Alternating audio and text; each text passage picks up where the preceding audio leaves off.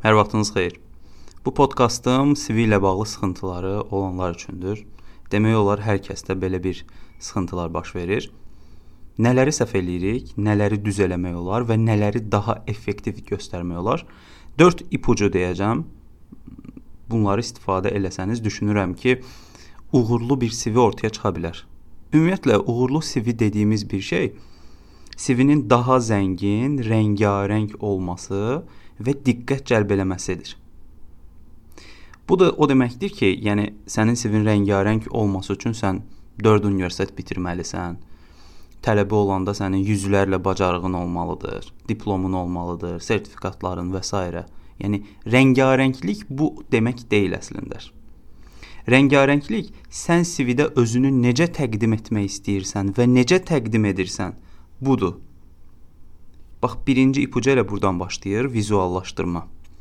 Təsvir eləmək. Adətən biz CV-ni yazanda giririk Google-a, oradan yükləyirik və nə məlumat varsa qeyd eləyirik onu. Hətta bəzən elə olur ki, xanımlarda o CV yükləmədə mənə də göndərilən CV-lərdə görmüşəm. CV-ni yükləyirlər.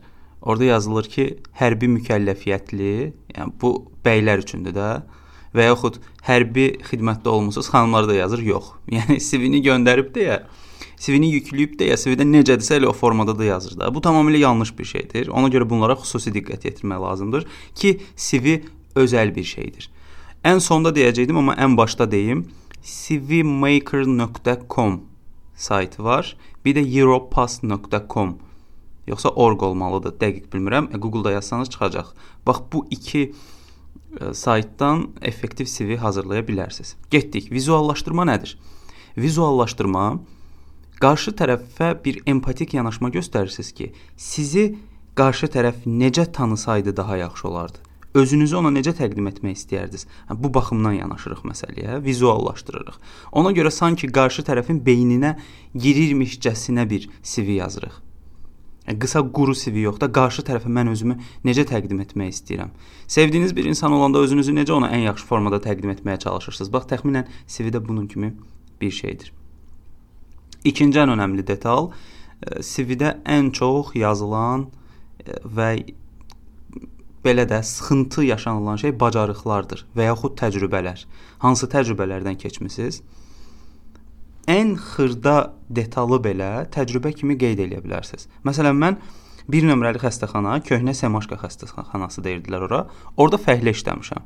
Fəhlənin e, inşaat sahəsində adı təsərrüfat işləri üzrə operatordur. Ad görsüz necə cəlb eləyir? Təsərrüfat işləri üzrə operator. Mən fəhləni bu şəkildə qeyd edirdim. Təsərrüfat işləri üzrə operator və aşağıdan nə işlər gördüyümü orada göstərirdim. Məsələn, mən orada daş gətirirdim, kubik, ə, e, sonra alçı, şpaklevka kimi deyil, tanınır da bizdə bu söz. Bunları gətirirdim. Amma orada necə qeyd elirdim? Məsəl üçün, ustaların e, tələb olunan məhsullarla təmin edilməsi, ustaların ehtiyaclarının öyrənilməsi və o ehtiyaclara uyğun prosesin hazırlanması. Bax, biraz əvvəl dediyim şeyin akademik formada ifadəsidir. Yəni burada məsələ nədir? Ən xırda bacarığımızı belə geniş formada təsvir edərək onu təcrübə şəklində qeyd eləyə bilərik. Hamının hər zaman hər yerdə təcrübəsi var. Önəmli deyil orada diplom alasan, sertifikat alasan, rəsmi bir şeyin olsun. Amma sənin yaşadığın təcrübələr də burada iştirak eləyə bilər.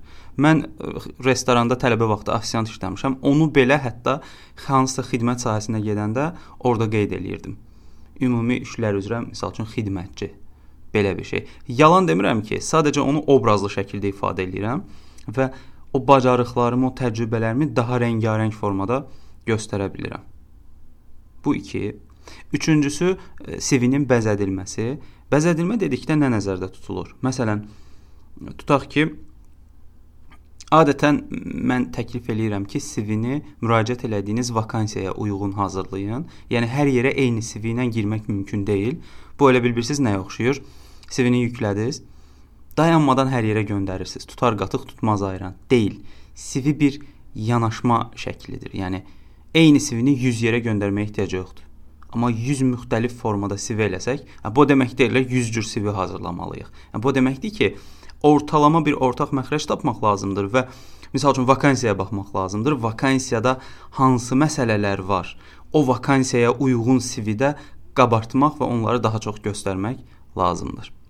Bəzəmək məsələsi deyəndə əslində bir 1 dəqiqə əvvəl dediyim məsələ idi. Demək istədiyimiz şeyi bəzəyərək deyirik. Məsələn, filan şey budur, mənim bu bacarığım var. Məsələn, dil biliklərinə rus dili zəif, ingilis dili orta, Azərbaycan dili, türk dili əla yazmağa ehtiyac yoxdur. Məsələn, dil bilikləri üçün beynəlxalq dil standartları var. A1, A2, B1, B2, S1, S2 yəni bunlar dərəcələri göstərir. Qarşısına bunu qeyd eləyə bilərsiniz. Məsələn, rus dili A1 və yaxud ingilis dili B1.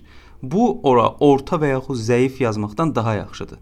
Ümumiyyətlə zəif və orta deyə bir ölçü vahidi yoxdur. Bu sadəcə tamamilə subyektiv olan bir şeydir. Ona görə ifadə olunan şeyləri hər zaman daha yaradıcı və daha obrazlı şəkildə ifadə etsəz, effektiv nəticəsi olacaq.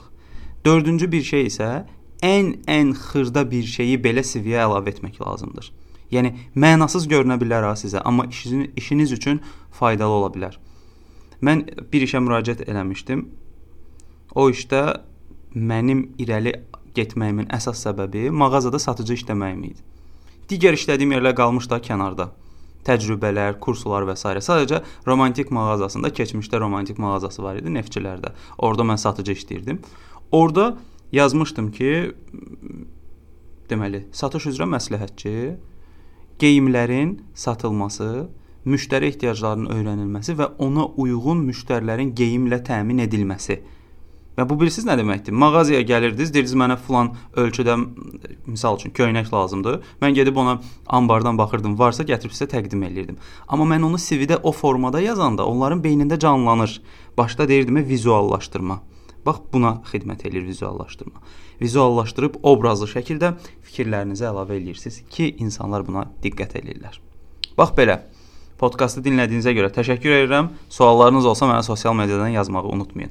Görüşərik.